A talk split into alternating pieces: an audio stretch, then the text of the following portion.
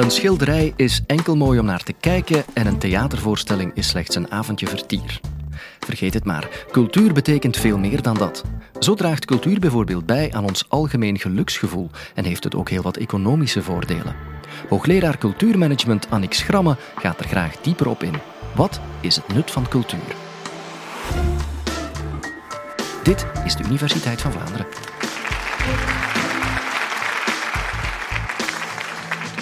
Vooraan hier die vraag te beantwoorden, wil ik eigenlijk even stilstaan bij de definitie van cultuur. Want wat wordt daaronder verstaan? Ik denk als ik het aan jullie zou vragen, dat ik evenveel definities zou krijgen. Reeds in de jaren 50, in 1951, is er een boek gepubliceerd en daarin stond er meer, stonden meer dan 150 definities. Het is een van de meest gebruikte woorden. Ook politici nemen dat zeer graag in de mond. Dat staat goed. Uh, maar wat is het nu eigenlijk? Hè? Wel, ik ben wel voorstander van een brede definitie van cultuur. Het gaat niet alleen over de hoge kunsten en over erfgoed, nee, maar ook over populaire vormen van cultuur. Zelfs de manier waarop je kleedt, hoe dat je je woning hebt ingericht. Want dat zegt iets over je identiteit. Dat zegt iets over jezelf. Dus eigenlijk de definitie die, die, die, waar ik van hou en die ook hoe langer hoe meer eigenlijk uh, academisch gedeeld wordt, is dat cultuur een vorm is van betekenisgeving.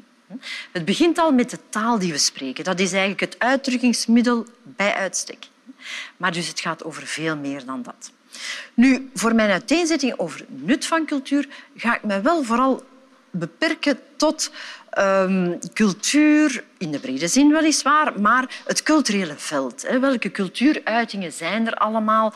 Theater, dans, muziek, erfgoed, maar ook sociaal-cultureel werk of de creatieve industrie, zoals we zeggen. Dat is iets dat de laatste 15 jaar heel erg opgang gemaakt heeft. In de creatieve industrie dan denken we aan design, architectuur, mode. Dus dat zijn zowat de sectoren waarover we het gaan hebben. Oké, definitie van cultuur, zeer breed. Wat is nu het nut van cultuur? Eigenlijk is dat een beetje een rare vraag. Hè? Zeker voor mensen die van cultuur houden, want die vinden dat evident dat dat deel uitmaakt van hun leven. Maar dat is niet voor iedereen het geval. En we zien ook dat overheden hoe langer hoe meer willen dat het nut van cultuur bewezen wordt. En dat is onder meer onder invloed van het uh, neoliberalisme, zoals we zeggen, en het toenemend managementdenken. Dat geldt niet alleen voor cultuur. Overheden moeten hoe langer hoe meer verantwoorden waarom dat ze geld uitgeven aan bepaalde sectoren. En dat geldt ook voor cultuur. Dus wat is het nut van cultuur? Wel, als we daarover gaan voortdenken, kan, moet je eigenlijk eerst een onderscheid maken tussen de subjectieve benadering en de objectieve benadering. Die subjectieve benadering is eigenlijk de benadering die voor iedereen geldt. Als ik aan u vraag wat betekent cultuur voor u, wat is het nut van cultuur voor u, dan zal je misschien beginnen met uh, ja, de esthetische waarden. Ik word erdoor geraakt. De emotionele waarden. Dat is individueel subjectief. En dat geldt, dat is voor iedereen anders. Uh, iemand wordt ontroerd door een schilderij, maar iemand anders juist door muziek. Ik vind muziek dat gaat onmiddellijk naar het hart. Dat ontroert mij. Dus dat is die subjectieve waarde die voor iedereen verschillend is. Nu, misschien kennen jullie Alain de Botton. Alain de Botton is eigenlijk een filosoof die heel goed ook in de Universiteit van Vlaanderen zou kunnen optreden, omdat hij heel goed kan vertellen over wetenschap. Maar hij is alleen niet van Vlaanderen natuurlijk. Hè. Maar hij kan dat op een zeer uh, toegankelijke manier brengen. En hij heeft een dik boek geschreven. In 2013 was dat.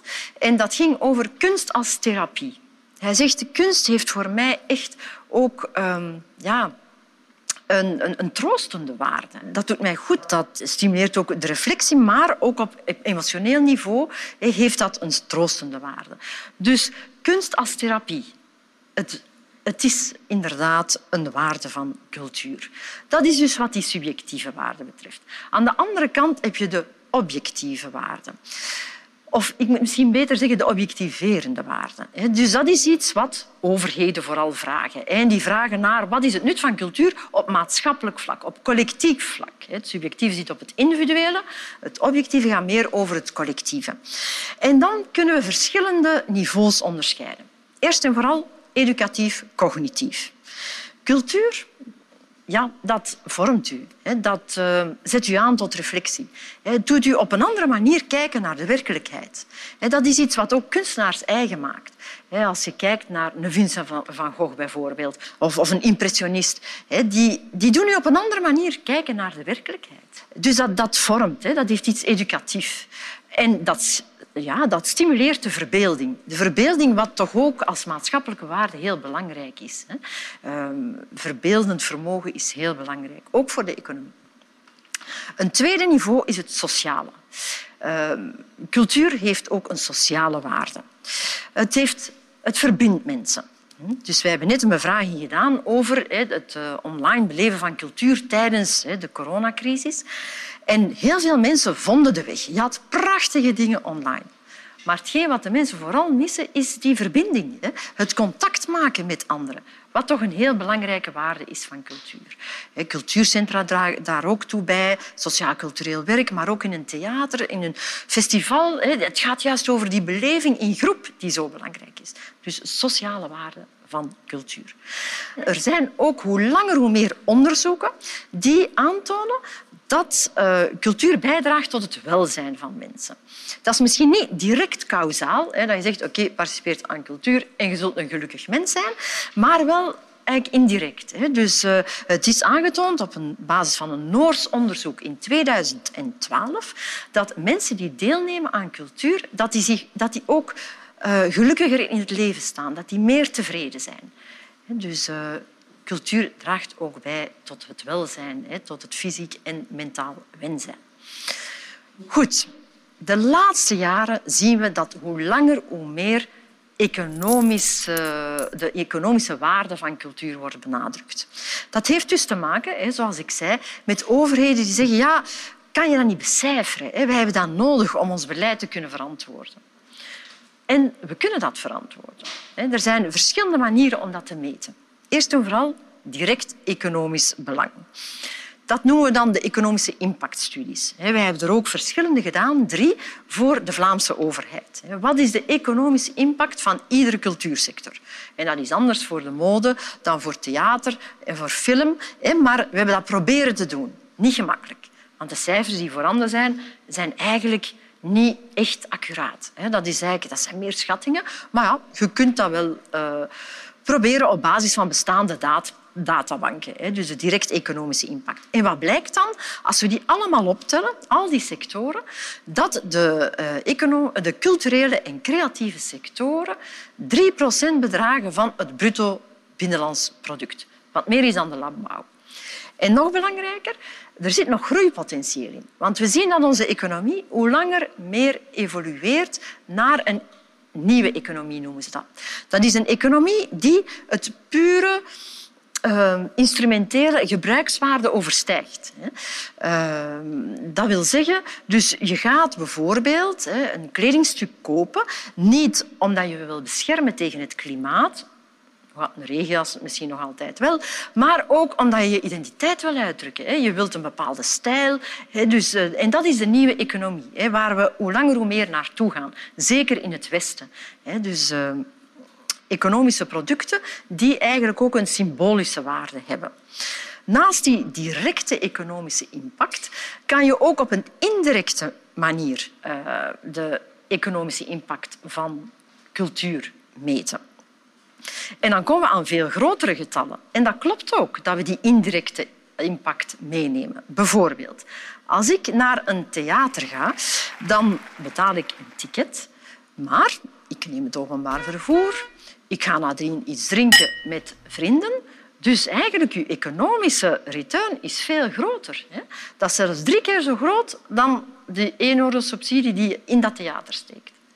Dus er is wel degelijk uh, een spillover-effect. We zien dat ook, uh, om een ander voorbeeld te geven, in de steden heel sterk hè, en culturele infrastructuur. Die trend is begonnen in het begin van de jaren 90. En dat was eigenlijk Bilbao met het Guggenheim te bouwen. Dus een gigantisch museum, een architecturaal pronkstuk. En uh, mooi gebouw. Maar wat zien we ook? Dat dat geleid heeft tot een opleving van die buurt daar rond. Uh, natuurlijk, de prijzen van de huizen gaan ook wel de hoogte in. Dus als overheid moet je daar ook wel een rol in spelen. Dat het niet alleen de nieuwe rijken worden die daar gaan wonen, maar, en dat er een diverse bevolking blijft. Maar... Zo'n zo culturele infrastructuur kan echt wel een impact hebben op de omgeving. We zien dat ook bij de bouw van het museum aan de Stroom. Ik ben daar vroeger ook in de buurt naar school geweest, niet zo ver. Wel, dat was een soort niemandsland tussen de stad en de haven.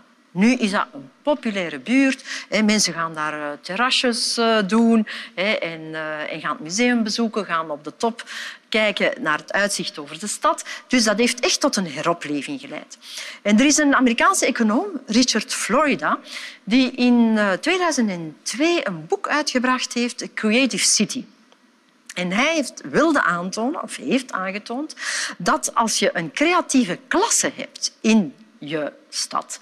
Dat dat goed is voor de economische heropleving, voor de economische uh, groei van je stad. Dus cultuur als motor van economische ontwikkeling voor je stad ook. Ja? Um, nu, hij was niet de eerste. Hoor. Er waren al studies in de jaren 60, onder andere Jane Jacobs. Maar hij zijn impact was wel heel groot. Want sindsdien zien we dat echt steden mee ingaan hè, op dat discours over de creatieve stad. Er ontstaat zelfs een soort competitie. Hè. En indexen. Charles Landry heeft een index gemaakt, de Creative Index, hè, om u als stad te meten wat is nu mijn creatief gehalte. Ook op Europees niveau is er nog maar twee jaar geleden een Creative Index ontworpen. Dus allemaal om die creatieve stad te promoten. Want dat is dan weer goed voor het toerisme. En daar zit ook weer de rol van cultuur in. Goed, dus we hebben eigenlijk drie belangrijke niveaus waarop we die, dat nut van cultuur kunnen aantonen. Educatief-cognitief, sociaal verbindend en economisch. Nu, de volgende vraag is wat is het nut van cultuursubsidies? Want dat is eigenlijk ook een beetje de discussie geweest de afgelopen maanden in de media. De minister van Cultuur had beslist om 6% te besparen lineair in de cultuursector. Dat heeft heel veel reactie veroorzaakt. Meer dan anders. Want ik moet zeggen, de vorige ministers hadden dat ook al wel gedaan. Maar deze keer was de reactie heftiger dan anders. Ten eerste omdat we natuurlijk al door een kaasschaaf gegaan zijn, keer op keer een regering die sinds 2008 uh, 6 of 7 procent van het cultuurbudget doet. Dat is op den duur, zit je wel op je tandvlees. Maar de vraag is, wat is nu het nut van die cultuursubsidies? Waarom is dat erg? Waarom is dat nodig? Wel, um, daar zijn goede redenen voor te vinden. Eerst en vooral moet je rekening mee houden dat de cultuur niet werkt volgens de klassieke wetten van de economie, van vraag en aanbod. Het is niet dat, uh, dat dat in balans is. Eigenlijk, uh, creativiteit is er altijd geweest. En de kunstenaar heeft nooit gekeken van... Ja, uh, is dat economisch relevant wat ik doe? Nee, zij doen dat vanuit een artistieke drang. En dus daar is nooit echt een balans geweest. Of dat er nu dertig theaters zijn of vijftig of nog meer, dat, dat, zo werkt het niet. Dus dat is een eerste bedenking. Waarom uh, cultuursubsidies? Wel, vooral voor zaken die kwetsbaar zijn. Experiment. Want kunstenaars, vele kunstenaars uh, ja, die, die exploreren ook in hun studio, in hun atelier. En zonder te weten of dat daar ook iets uit zal komen. Dus om daar eigenlijk een soort ruimte te creëren voor die vernieuwing, voor dat experiment, zijn subsidies nodig. Een tweede reden is ook, ja, sommige kunstvormen zijn gewoon te duur. Denk aan opera. Opera dat is eigenlijk. Je hebt eh, zangers nodig, een heel orkest nodig, decors, een zaal moet je onderhouden. Dus dat is eigenlijk een hele dure kunst. Maar dat is ook een stuk erfgoed. Die opera's die we tot op de dag van vandaag uitvoeren, dat kan via een nieuwe interpretatie.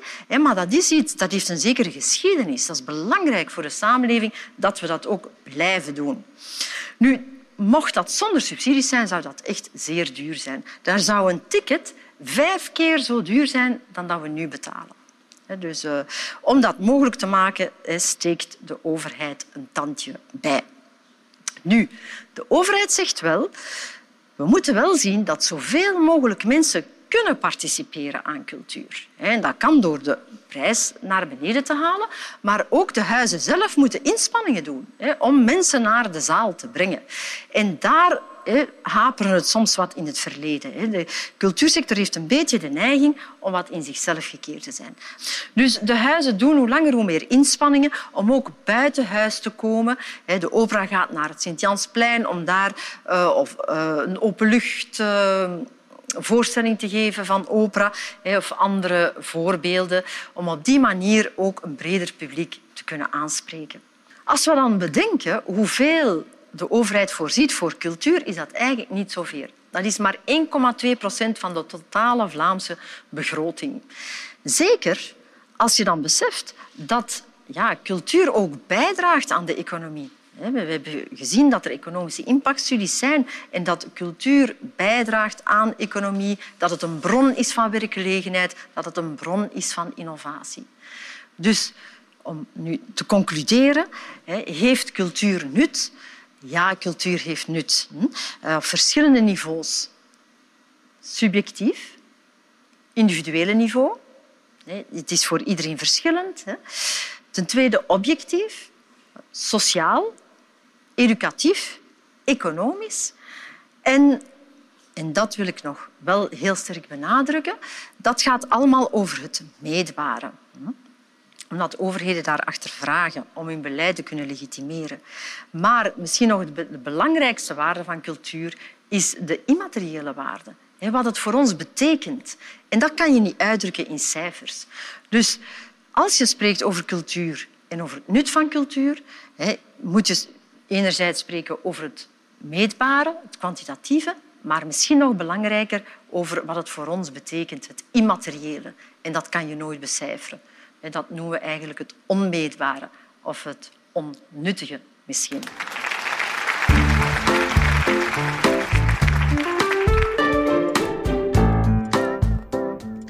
En nu heb je waarschijnlijk zin om nog meer cultuur op te snuiven. Wat dacht je van nog een podcast van Universiteit van Vlaanderen? We hebben er ondertussen meer dan 250. Ik kan je alvast nummer 136 aanraden. Herken je een schilderij dat door een robot is gemaakt? Van professor Andooms.